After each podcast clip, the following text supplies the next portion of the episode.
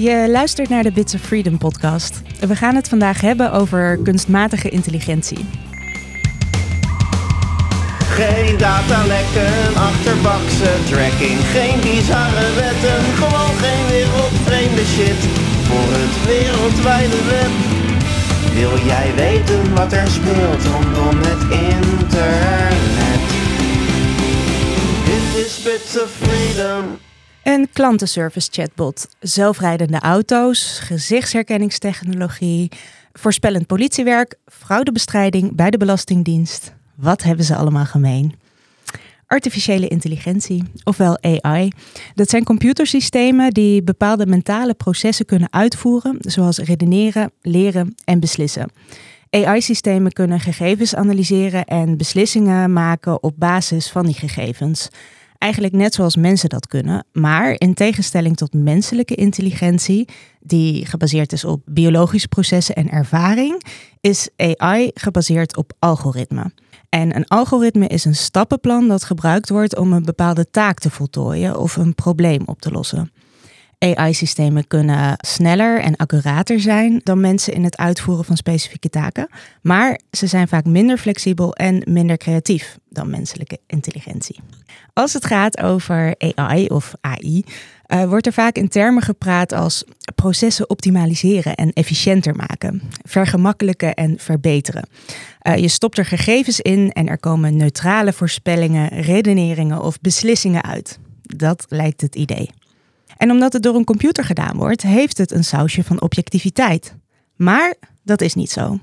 Algoritmes worden gemaakt door mensen en maken gebruik van data die door mensen verzameld zijn. Op die manier kan een algoritme bestaande vooroordelen in de samenleving juist versterken. Kan een algoritme super vooringenomen of racistisch zijn, terwijl het lijkt alsof er ongekleurde data uitkomt. Echt heel eng. Daarom moet het gebruik van kunstmatige intelligentie en het beschermen van mensenrechten daarbij goed verankerd worden in de wet.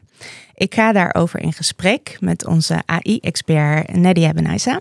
Hoi. Nadia. Hoi. en uh, met onze directeur Evelyn Austin. Hi Evelyn. Hallo. Mijn naam is Inge Wanet. Welkom bij de Bits of Freedom podcast.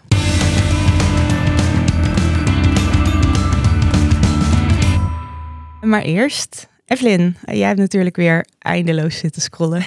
Neem me mee. Ja, ik heb uh, eindeloos zitten scrollen en ben um, verzeild geraakt in de podcast van Ezra Klein. Die luisterde ik heel lang niet, want ik werd het een beetje zat. Um, maar hij had nu een uh, aflevering over lezen. En ik ben dol op lezen. En ik ben ook heel geïnteresseerd in lezen op schermen. Er wordt in Nederland ook heel veel onderzoek naar gedaan. We, we hebben ook echt een, een soort leesonderzoekcultuur. Wacht even, lezen. Dus je bent geïnteresseerd in mensen die lezen op, op een uh, e-reader of zo? Gewoon op alle schermen. Dus uh, de computers, telefoons. Ja, dus er wordt heel veel onderzoek gedaan naar bijvoorbeeld naar.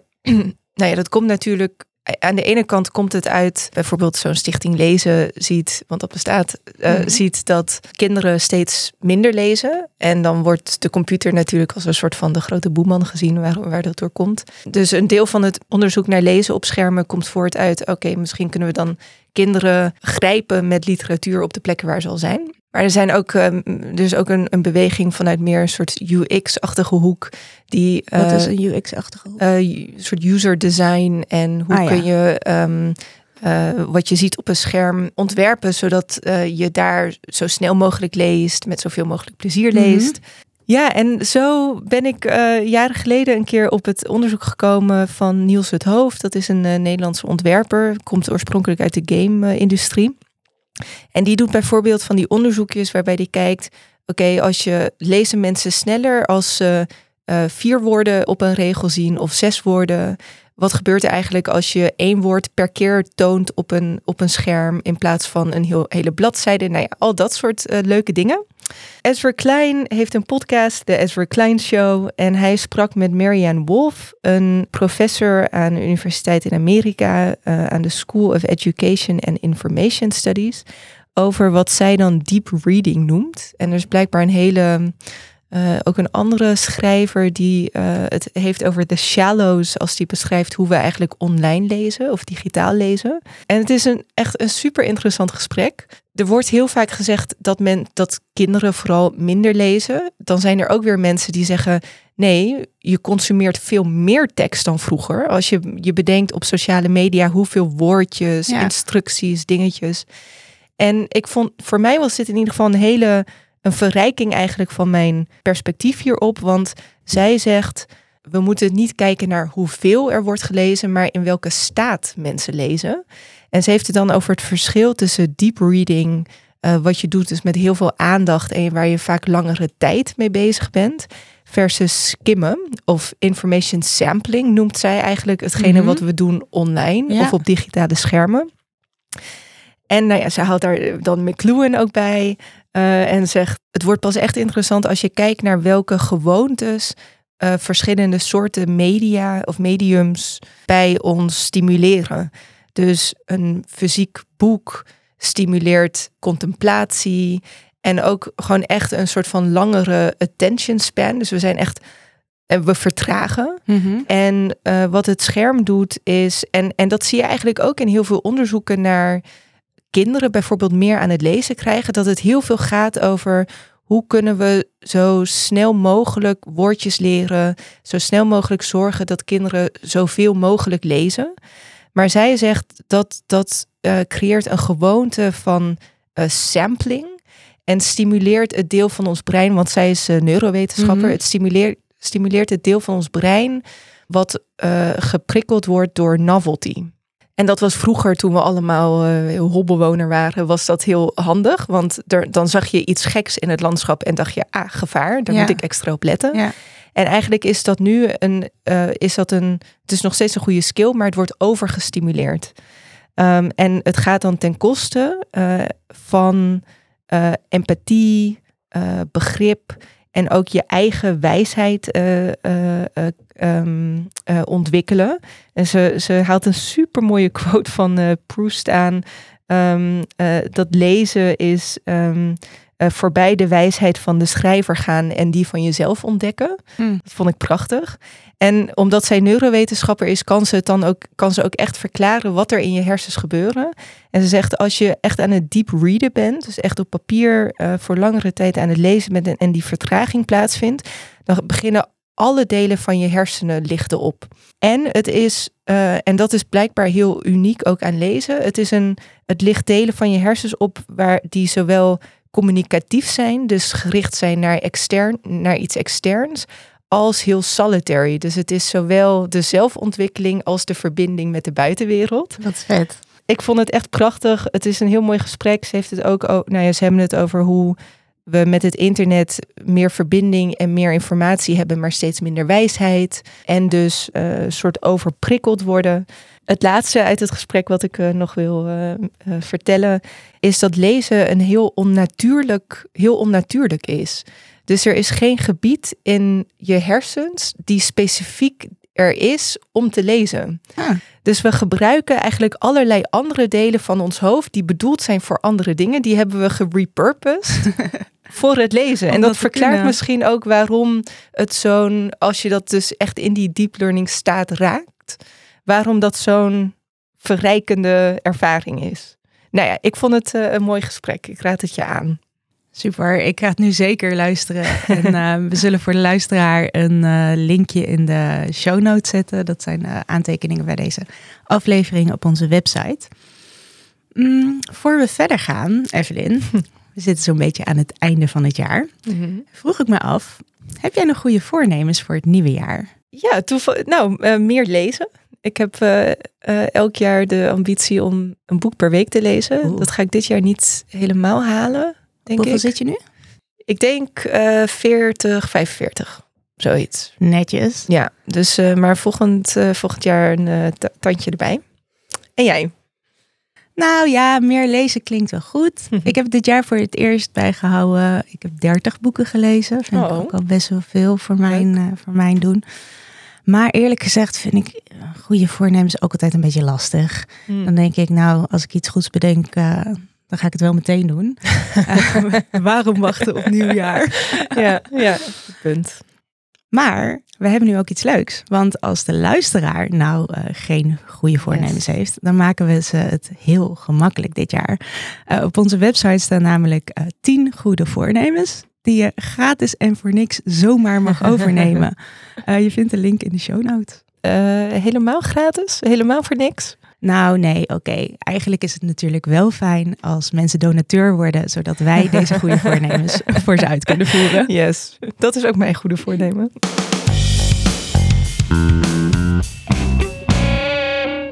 Nadia, uh, we gaan door met kunstmatige intelligentie. Waarom houden we daar bij Bits of Freedom ons eigenlijk mee bezig? Nou, we willen dat bij het gebruik van kunstmatige intelligentie mensenrechten beschermd worden.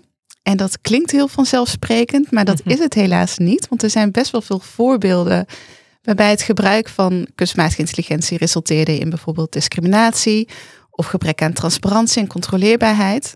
En dat komt deels omdat de gegevens die gebruikt worden afkomstig zijn uit een maatschappij waarin we te maken hebben met sociale problemen. Uh, en soms met een hele lange geschiedenis van sociale problemen het wordt altijd gezegd van AI kan dan die uh, sociale problemen in de maatschappij versterken. En, maar hoe, hoe werkt dat dan precies? Hoe, hoe doet zo'n AI dat dan? Nou, bij het gebruik van kunstmatige intelligentie worden vaak gegevens gebruikt. Die zijn vertaald naar cijfers en statistieken. Nou, dat klinkt al heel objectief en feitelijk, cijfers en statistieken. Um, en er wordt daarbij ook heel vaak niet nagedacht over de context waarin die cijfers en statistieken tot stand zijn gekomen. Die komen natuurlijk uit de maatschappij.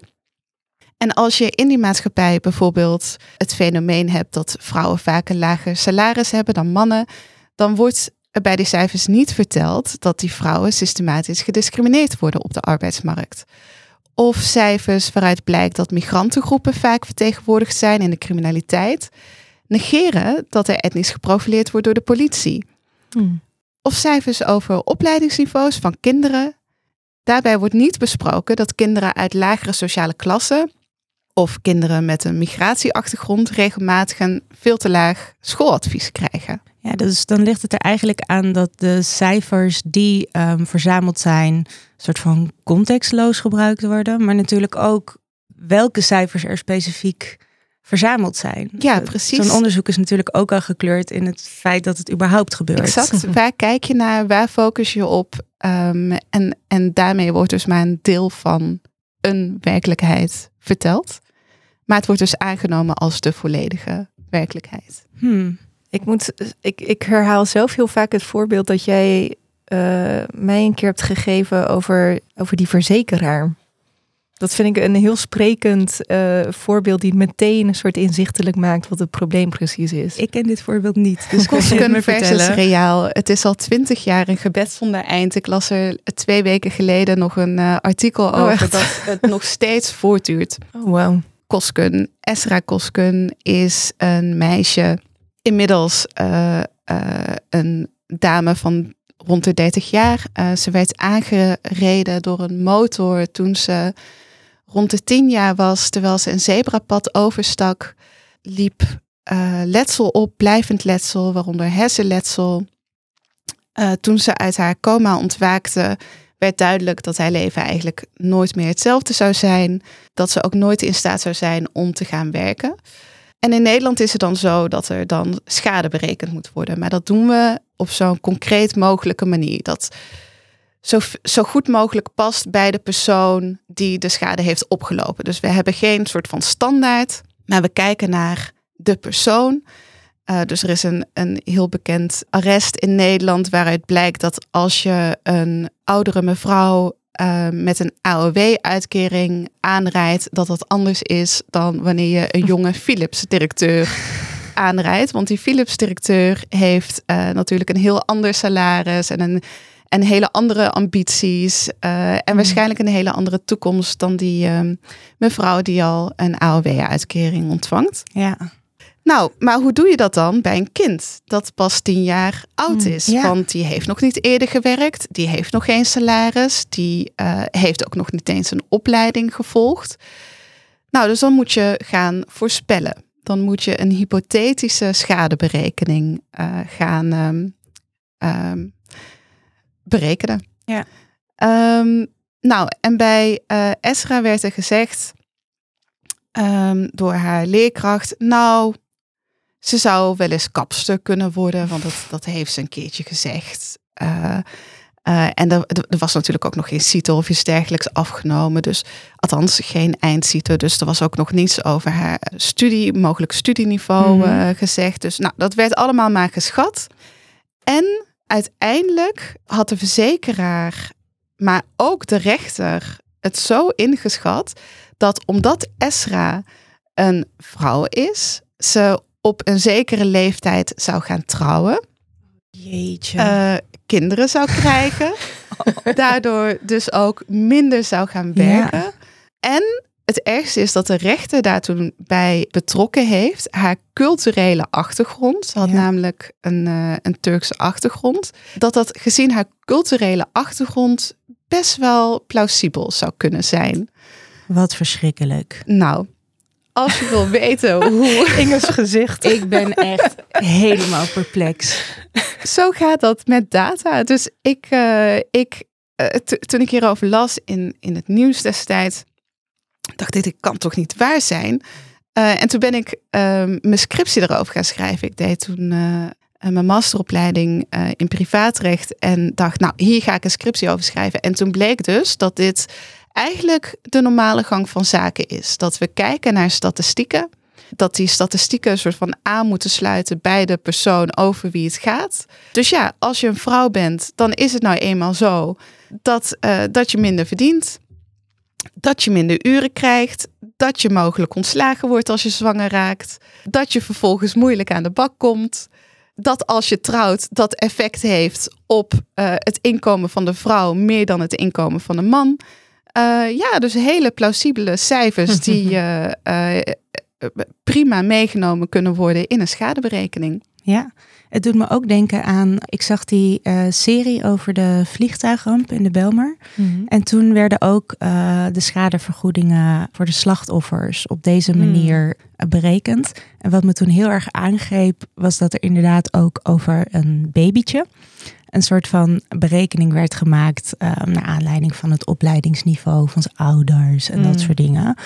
Maar het, het, het, voorbeeld waar jij het nu over hebt en waar, en waar het toen ook over ging, zijn dan nog voorbeelden waar het um, waar de data een soort van nog door mensen berekend worden. Mm. In AI wordt dit allemaal gestandaardiseerd, toch? Nou ja, dus de gegevens die voor AI gebruikt worden, uh, zijn ooit ook door mensen verzameld. In ieder geval afkomstig uit de maatschappij waarin mensen uh, dus leven. Uh, dus we hebben daar zeker wel invloed op. En ik denk dat we ons daar in ieder geval bewuster van moeten zijn. Dat de, de waarheid tussen aanhalingstekens die we uh, vertalen naar die cijfers en statistieken. En de berekeningen die we daar vervolgens op loslaten, die we allemaal heel eerlijk vinden. Ja, wie zijn degenen die dat zo eerlijk vinden? Dat zijn mm -hmm. eerder die Philips-directeuren dan de, um, uh, de Esra's die um, op tienjarige leeftijd hun, uh, hun toekomst zien vergaan. Ja, want het gaat dus eigenlijk uh, vaak over mensen die ondergerepresenteerd worden in die data. Of overgerepresenteerd. Of overgerepresenteerd, maar um, nou ja, op een, op een verkeerde manier in, uh, mm. in die zin. Het doet me ook denken aan, um, in de vorige aflevering sprak ik met uh, Robin Pokorny. En dat is de student die een klacht indiende bij het College voor de Rechten van de Mens over anti-speak software die haar universiteit gebruikt. Daar is nu een, een, een tussenuitspraak geweest, die is positief. Dus uh, de VU moet nu gaan hmm. bewijzen dat die anti-speak software um, niet uh, racistisch zou zijn. Maar die software is dus echt een voorbeeld van uh, hoe een AI, een kunstmatige intelligentie, racistisch kan zijn. Wat zijn meer voorbeelden waarin het gebruik van zo'n AI echt problematisch uit kan pakken? Nou, Nederland is inmiddels berucht door het toeslagenschandaal. Ja. Uh, daarbij heeft de Belastingdienst gebruik gemaakt van discriminerende algoritmen. Dat was niet per ongeluk, dat was de bedoeling. Uh, mensen met een niet-Nederlandse nationaliteit en mensen met een lager inkomen kregen een hogere risicoscore. Amnesty heeft hier onderzoek naar gedaan en noemde dit een schending van het verbod op discriminatie, waarbij bepaalde groepen gecriminaliseerd worden. En ook noemen ze het een versterking van historische uh, stereotyperende associaties tussen bijvoorbeeld fraude en etnische afkomst. Hmm. En we weten inmiddels dus dat het handelen van de Belastingdienst mensenlevens, kinderlevens, geruineerd heeft. Ja. Nou, een ander voorbeeld waar ik laatst over las, ging over een spraakopdrachtensysteem in een auto. Wat is dat? Dit was wel in 2012. het is dus dat je een auto opdrachten geeft om iets te doen. Ik geloof hmm. dat het hierbij ging om bepaalde instellingen. Ah, ja. En daarbij wilde die auto alleen opdrachten aannemen van uh, de echtgenoot van de bestuurder, die op de passagiersstoel zat. Uh, omdat, omdat het haar stem dus niet herkende. En vrouwen die zich hierover beklaagden, kregen het advies een lagere stem op te zetten. Auto, uh, ik ben een man. Je mag, je mag mijn opdrachten aannemen. Ja, het systeem was namelijk getraind op een mannenstem. Wauw. Uh, en zo wordt er bij heel veel data constant uitgegaan van de reference man. Dat is een witte man mhm. van 1, uh, 1,75 die 80 kilo weegt. Um, maar dat gebeurt dus ook in de medische wereld, ja. waardoor het herkennen van bijvoorbeeld ziekte uh, en behandelingen die daar goed op zouden kunnen aansluiten, uh, dus ook afwijken bij mensen die niet hetzelfde lichaam hebben als die reference man. En als je die data dus ook gebruikt voor kunstmatige intelligentie, bijvoorbeeld om ziekte te herkennen of behandelingen uit te voeren, ja, dan kun je afvragen hoe betrouwbaar dat is en of je wel in goede handen bent. Ja. Eh, en je bent technologie aan het ontwikkelen die de problemen oplost van sommige mensen en niet van andere mensen. En misschien ook wel de problemen van andere mensen verergert. Ja. Oh, wat verschrikkelijk hè. Ik vind het echt zo'n dus als ik er wel eens over nadenk, als um, nou ja, AI wordt steeds meer gebruikt in de mm. samenleving. Um, en dat hier zo weinig rekening mee wordt gehouden. Dus mm. bijvoorbeeld dat zo'n VU van zo'n software. Ja. Um, daar, daar, daar was al van bekend dat dat racistisch was. Jaren. En, en, toch wordt dat dan gebruikt, zeg maar. Dus ja, mm-hmm. we weten dat het niet representatief is, maar we gaan het toch gebruiken. Ja, wiens probleem is het? Precies, super kwalijk. Maar daarom dus ook zo belangrijk dat het verankerd wordt um, in de wet. Als eerste stap. Als eerste stap. maar eigenlijk, volgens mij, net als altijd met wetgeving, um, loopt de wet uh, nu best wel achter de feiten aan. Hoe staat het er nu voor met de bescherming van uh, de mensenrechten en de wetgeving over AI? Nou ja, zo'n anderhalf jaar geleden inmiddels is het eerste wetsvoorstel door, Europees, door de Europese Commissie gepubliceerd uh, over kunstmatige intelligentie. En daarin ontbraken eigenlijk nog best wel wat rechten. Um, of ze waren niet goed uitgewerkt. Mm -hmm. Nou, dat vonden we best wel kwalijk, want een van de doelen van die wetgeving was het beschermen van fundamentele rechten. Nou, dat komt beter. Dus we hebben daar um, met, samen met andere organisaties hebben we delen van die wettekst herschreven, zodat uh, rechten van burgers wel wat beter beschermd zouden worden. Bijvoorbeeld door ervoor te zorgen dat uh, mensen rechten hebben op transparantie en controleerbaarheid. Uh, dat bepaalde toepassingen die zo risicovol zijn voor mensenrechten, waarvan we nu al weten dat het, dat het een te grote impact zou kunnen hebben, dat, dat die toepassingen verboden worden. Dat mensen naar de rechter kunnen stappen als ze het niet eens zijn met een beslissing. Uh, nou, dat zijn bijvoorbeeld rechten die we daarin terug willen, willen zien. Dus nou ja, de, we zien dat er best wel wat van, van de amendementen, zoals het dan heet, die we uh, hebben voorgesteld, worden overgenomen. Bijvoorbeeld ook een van de dingen waar we voor pleiten is dat er een verbod komt op predictive policing. Nou, er zijn, dat zijn algoritmen die voorspellen waar um, bijvoorbeeld criminaliteit zou kunnen mm -hmm. plaatsvinden. Nou, dat zijn dingen die steeds meer stemmen gaan krijgen, waar steeds meer draagvlak voor lijkt te zijn. Maar we zijn er nog niet. En het gaat nog, uh, nog een paar maanden duren. Dus we blijven ons voorlopig nog, uh, nog inzetten en uh, erop pushen dat kunstmatige intelligentie heel veel leuke dingen kan doen, maar dat de absolute voorwaarde is dat mensenrechten beschermd worden. Ja, zeker. En daarnaast, Evelyn zei het ook al um, even over die wetgeving, een soort van eerste stap. Want lost, lost goede wetgeving alles op? Ja, was het maar zo. Ja. Want adresseert de, de, het voorstel zoals het er nu ligt überhaupt de, dat probleem van die historische data en de ongelijkheid die daarin schuil kan gaan? Nee, er is bizar weinig uh, aandacht voor. Um, en dat is in ieder geval iets waar wij als Bits of Freedom ons dan um, sterk voor willen maken. Dat er echt veel meer bewustwording komt um, voor de complexiteit van onze samenleving. Mm -hmm. uh, waarin we nou eenmaal te maken hebben met een geschiedenis met heel veel ongelijkheid en onrecht. Mm. En dat die historische machtsstructuren nog steeds een onderdeel vormen in onze maatschappij. Dus als we inderdaad um, die, die gegevens uh, gaan verzamelen en gebruiken, dan moeten we daarbij ook oog hebben voor de context van die gegevens.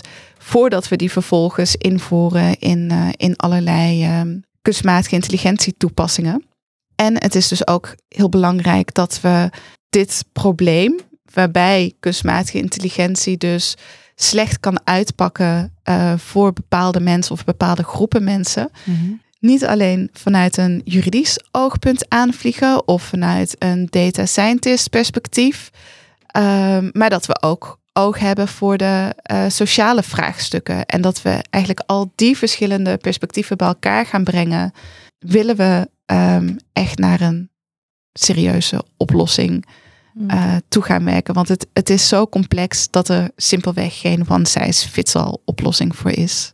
Nee, want wat ik, wat ik me bijvoorbeeld ook nog afvroeg, houdt die wet ook ontwikkelaars van dat soort AI uh, eh, verantwoordelijk voor, voor hoe zij te werk gaan in de ontwikkeling? Of gaat het alleen maar over het gebruik van de toepassingen? Ja, dat wel. Het is vooral gericht op de ontwikkelaars mm -hmm. en op de gebruikers. Ah ja, dus echt beide kanten daarvan. Ja, klopt. Gaan aan bod. Uh, ja, zeker komen. dat wel. Ja. ja. En je zei net al, we hebben nog een, uh, een paar maanden. Hoe, van, vanaf nu, wat, wat gaat er nog gebeuren? Met, met wie ga jij nog vechten om die wet beter te maken? Uh, het Europees Parlement uh, is nog niet volledig tot een compromis gekomen. Uh, dus dat gaat in de komende maanden. Er is onlangs nog gezegd, het gaat niet lukken voor het nieuwe jaar. Dus, mm -hmm. dus de verwachting is dat dat nog wel een paar maanden gaat duren. Ja. Dus daar blijven we mee in gesprek. Onlangs hebben we ook een brief gestuurd naar Kamerleden, naar Nederlandse Tweede Kamerleden, omdat Nederland ook natuurlijk een aandeel heeft in het ontwerpen van die, van die wet uh, en zich daarover uit moet spreken. Dus daar hebben we ook weer aangegeven wat er nog aan ontbreekt en wat Nederland mee kan geven uh, om tot een betere wet te komen. Ja, dus, uh, dus die gesprekken blijven we voeren tot het, tot het eind. Tot we erbij neervallen. Tot we erbij neervallen. Nou, laten we in het nieuwe jaar, als er uh, meer bekend is, um, nog een keer zitten en uh, kijken hoe het ervoor staat. Ja, leuk. Voor nu in ieder geval heel erg dankjewel. Ja, jullie ook.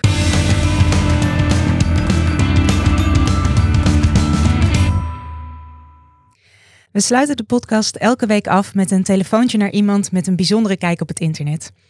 Deze week bellen we met Gerbrecht Klos van Amnesty Nederland. We gaan bellen over het demonstratierecht in Nederland. Um, demonstreren is een mensenrecht en vormt een van de fundamenten van de rechtsstaat. Het demonstratierecht staat wereldwijd onder druk en daarom voert Amnesty actie. En dat werd wel heel actueel toen waarnemers van Amnesty zelf bedreigd en belaagd werden bij een demonstratie tegen Zwarte Piet in Staphorst. Ik ga haar bellen.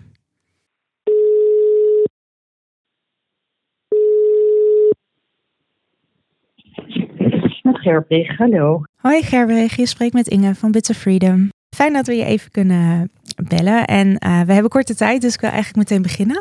Wat zien jullie op dit moment als eigenlijk als de belangrijkste knelpunten als het gaat om het demonstratierecht in Nederland? Nou, Amnesty ziet dat het demonstratierecht onder druk staat om meerdere redenen. En belangrijke is uh, de kennis en houding van het gezag, dus van burgemeesters en politie. Um, ten aanzien van demonstraties. We zien een probleem met de kennis en houding bij burgers. Uh, de wet, uh, waar de regels zijn vastgelegd over hoe demonstraties moeten worden gefaciliteerd door de overheid, uh, is niet in lijn met de mensenrechten. En wat we helaas ook hebben moeten constateren is dat het ontzettend lastig is voor ehm, activisten, voor demonstranten die achteraf hun um, gelijk willen halen naar onrechtmatige inperkingen van hun demonstraties en onrechtmatige aanhoudingen, uh, ontzettend veel moeite hebben om, uh, om dan inderdaad uh, gelijk te krijgen, in het gelijk gesteld te worden. Ja. Hmm. Dat zijn dus um, eigenlijk heel veel knelpunten die je noemt, die er op dit moment zijn. Ja, en, het belangrijkste om, om, natuurlijk in eerste instantie te kijken naar de problemen die we zien bij de kennis en houding van het gezag. Dus met name het veiligheidsdenken zien wij dat daar domineert, um, waarbij um, er onvoldoende onderkend wordt hoe belangrijk het is dat burgers zichzelf uh, organiseren en uh, in, in het publiek, in het openbaar, um, gezamenlijk hun mening uiten een vreedzame meningsuiting is nooit een probleem uh, uh, voor een samenleving. Sterker nog, dat zou moeten worden toegejuicht, uh, vinden wij. Terwijl wij zien is dat, dat, dat de houding van het gezag heel erg ingesteld is op het, op het anticiperen op mogelijke risico's, op, op, op het, het handhaven op rust en orde ideeën. Dus, dus heel erg dat die neiging, dat veiligheidsdenken leidt tot allerlei onnodige en, en, en onrechtmatige inperkingen. En, en het feit dat dat gebeurt, leidt nou juist weer tot problemen in plaats van dat dat, uh, dat, dat iets oplost. Dus wij, zien daar echt een enorme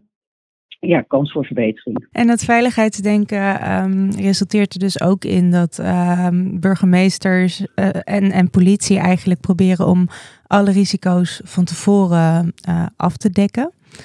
Um, Wat eigenlijk indruist uh, tegen de essentie van het uh, demonstratierecht. Hoe manifesteert zich dat online en, en, bij de inzet van technologie? Ja, nou, dat, dat gebeurde uh, al veel langer. Um, een goed voorbeeld daarvan zijn bijvoorbeeld identiteitscontroles. Want sinds de, de wet ID dat mogelijk maakt om daarom te vragen, worden ID-controles um, uitgevoerd om te achterhalen wie er demonstreert, wie die mensen zijn. Dus met als doel om informatie te verzamelen. En uh, met als doel om informatie te verzamelen uh, en, en, te anticiperen op risico vindt er ook uh, grootschalige sociale media monitoring plaats. En um, ja, dus de technologie maakt dat het allemaal op veel grotere schaal kan plaatsvinden. en, en dat, dat er ook gegevensverwerking is na het verzamelen van die informatie, waarvoor, waarvoor volgens ons de regels volstrekt ontoereikend zijn. En, en helemaal niet um, rekenschap wordt gegeven van het feit dat het hier gaat om mensen die grondrechten in alle vrijheid uitoefenen. En de schaal verandert, maar ik denk ook dat um, de, de, de belofte van die data, dat, je, uh, dat die objectief is, dat, die, dat je ook door middel van de in, inzet of gebruik van data ook alle risico's kunt afdekken, leidt misschien uh, tot ja. een verergering van dat risicodenken of dat veiligheidsdenken. Ja, heel belangrijk dat je dat opmerkt. En ik heb er helemaal niks aan toe te voegen. Het is voor, voor mij eigenlijk al helemaal vanzelfsprekend. Maar het is inderdaad uh, het hele idee dat, dat uh, grootschalige dataverzameling, mm. dat dat leidt mm. tot, tot goed onderbouwde risicotaxaties. Mm. Het meest logisch is gewoon dat je gewoon in gesprek gaat. Burgers dienen vaak uh, van tevoren melden ze een demonstratie aan bij de gemeente. En dat zou het startpunt voor een goed gesprek moeten zijn. Yeah waarbij er over en weer um, vanuit de rechten die burgers hebben wordt gekeken en niet vanuit de zaakjes, maar uit belangen um, van andere partijen uh, of belangen van winkeliers. Um, mm. Dat er heel erg vanuit gemeente en politie erop gericht is om een protest zo goed mogelijk ja. uit de verf te laten komen. Ja, ja. ja. ja ik, ik, ik, weet nog dat ik een keer bij een uh, praatje was van een, uh, van een hoogleraar aan de Vrije Universiteit. En die vertelde dat dat hij onderzoek deed naar, uh, in opdracht van de politie naar hoe drones ingezet zouden kunnen worden om demonstraties beter te laten verlopen. En toen dacht ik, jeetje, het, het antwoord op die vraag zou wel echt heel anders zijn als je dat aan de demonstrant zou vragen. Ja, nou, en, en het, het, hele problematische hier eh, zie je natuurlijk wat je breder ziet met, met de technologisering van het hele veiligheidsdomein en het hele hmm. politiehandelen, is dat, dat er vanuit wordt gegaan dat het je helpt, dat het daardoor beter gaat. Terwijl dan moet je natuurlijk heel erg kijken, beter vanuit wel, welk perspectief. En op zich is, is, is, is, is wat er gebeurde vorig jaar tijdens het woonprotest uh, in Rotterdam een heel goed voorbeeld. Daar heeft mhm. dus een, uh, de hele tijd een drone uh, gehangen in de lucht. Vervolgens tijdens het protest en kort daarna ontstond er enorme verontwaardiging over um, de, de behoorlijkheid van het, politieoptreden. Ja. Uh, ook Amnesty was erover heel kritisch. Nou, na heel lang discussie daarover, publieke discussies over in de media en in de gemeenteraad, kwam de politie uiteindelijk met enkele beelden die dan door de drone zouden zijn, waren gemaakt. Mhm. En vervolgens waren dat fragmentjes die de politie er zelf had uitgeknipt. Oh, Die brachten in hun analyse. Ja, het laat gewoon meteen zien als je een drone ophangt, dan, dan, dan is het ook all the way. Dan moet, hmm, ja. het, het, uh, hmm. het, het, het, is ja, heel problematisch, omdat de, de, de, de gegevens die worden voor zijn gemeentelijke camera's, dat wordt automatisch gewist na een x aantal dagen ten tijde Hmm. van tevoren, belangrijk voor verdere opsporing. In het geval van door de politie verzamelde informatie, bijvoorbeeld met een drone, uh, dan is, zijn er andere uh, bewaarregimes van toepassing en Ja. kunnen die data dus veel langer worden bewaard en op allerlei manieren verwerkt. En wij proberen dus te achterhalen uh, welke regels daarvoor gelden en ja, dat in zichzelf is, blijkt een black box te zijn. En ja, dat mag natuurlijk niet in een uh, democratische rechtsstaat, moet dat volstrekt transparant zijn. En die, die transparantie ontbreekt uh, ten helemaal. Ja, ik vind het echt zo belachelijk dat je dus als demonstrant, um, nou ja, je, je moet uh, aan kunnen tonen uh, wie je bent. Iedereen laat zijn telefoon thuis, zodat hij in ieder geval niet uitgemeten wordt. Je wordt in de gaten gehouden door een drone. Zeg maar, over wiens veiligheid gaat het, hè? Niet, niet over de mensen die hun grondrecht aan het uitoefenen zijn. Waar wij, wij natuurlijk zien, kijk, er zijn mensen die, die, die dit zien zoals jij. Um, en, ik denk dat ik ook aan die kant sta die daarover verontwaardigd zijn en vervolgens in actie komen en daartegen nou ja, zich aansluiten bij, bij een organisatie of een organisatie als Little Freedom ondersteunen of Amnesty. Maar er zijn ook heel veel mensen die vanwege dat soort privacy-invasie tijdens demonstraties denken: ik ga niet de straat op, want mijn werkgever, want als bekend wordt dat, dat is lastig voor mijn baan, voor mm -hmm. mijn uh, positie in sociaal opzicht, misschien ook ten opzichte van vrienden of familieleden. Ik wil niet dat dat bekend wordt. En dat zogenaamde chilling effect, dat het mensen weerhoudt om zich uit te spreken. Ja, ja en we moeten juist niet hebben in een samenleving dat mensen uh, uh, zich inhouden om, uh, om zich op een vreedzame manier te uiten in een volstrekt legitieme vorm van protest. Want ja, dan keren mensen zich van de samenleving af of gaan zich uh, vervolgens laten gelden op ondemocratische wijze. En dat is helemaal problematisch. In een democratische rechtsstaat is dat, is dat de feitelijke bedreiging. Ja. Dat mensen zich tot andere dan vreedzame middelen uh, wenden. Ja. ja. En welke, welke stappen uh, neemt Amnesty nu om het uh, demonstratierecht te behouden en te verbeteren? Nou, ik, ik, noemde net al die knelpunten mm -hmm. aan het begin van het gesprek. Zeg maar barrières voor demonstratierecht, die proberen we te beslechten. Dat doen we met lokale actieteams in uh, meer dan tien steden. En we hebben de hoop dat we dat in de loop van de campagne kunnen uitbreiden naar zo'n twintig steden. Verder uh, doen we landelijke lobby.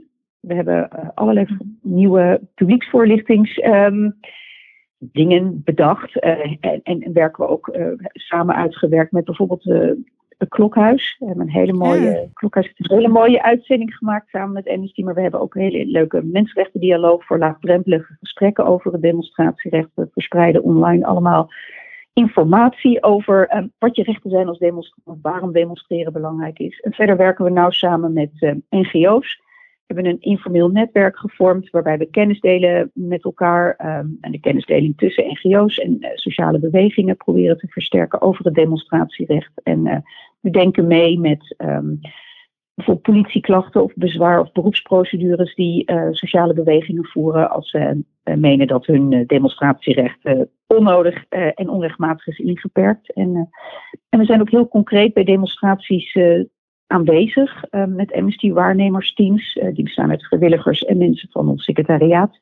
En die zijn dus gewoon tijdens demonstraties aanwezig om voorlichting te geven over het demonstratierecht. En om goed toe te zien op hoe dat nou in de praktijk uh, het demonstratierecht bij die specifieke demonstratie wordt gewaarborgd. En waar de, wat er anders en beter moet de volgende keer. Ontzettend goed en het belangrijk werk wat jullie doen. Heel erg dankjewel daarvoor.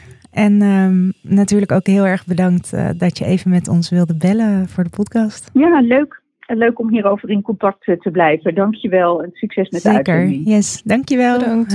Okay, dag. Doei. Bye.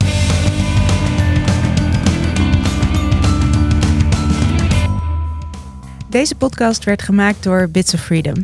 Je hoorde mij, Inge Wanet, onze directeur Evelyn Austin en Nadia Benaisa. We belden in met Gerbrich Klos van Amnesty Nederland. Onze jingle werd gemaakt door Tim Koehoorn. De podcast werd geproduceerd en geëdit door Randall Pelen van YOLO Media. Veel dank aan onze donateurs en natuurlijk aan jou, de luisteraar. Geen datalekken, achterbakse tracking, geen bizarre wetten, gewoon geen wereldvreemde shit voor het wereldwijde web. Wil jij weten wat er speelt rondom het internet? Dit is Bits of Freedom.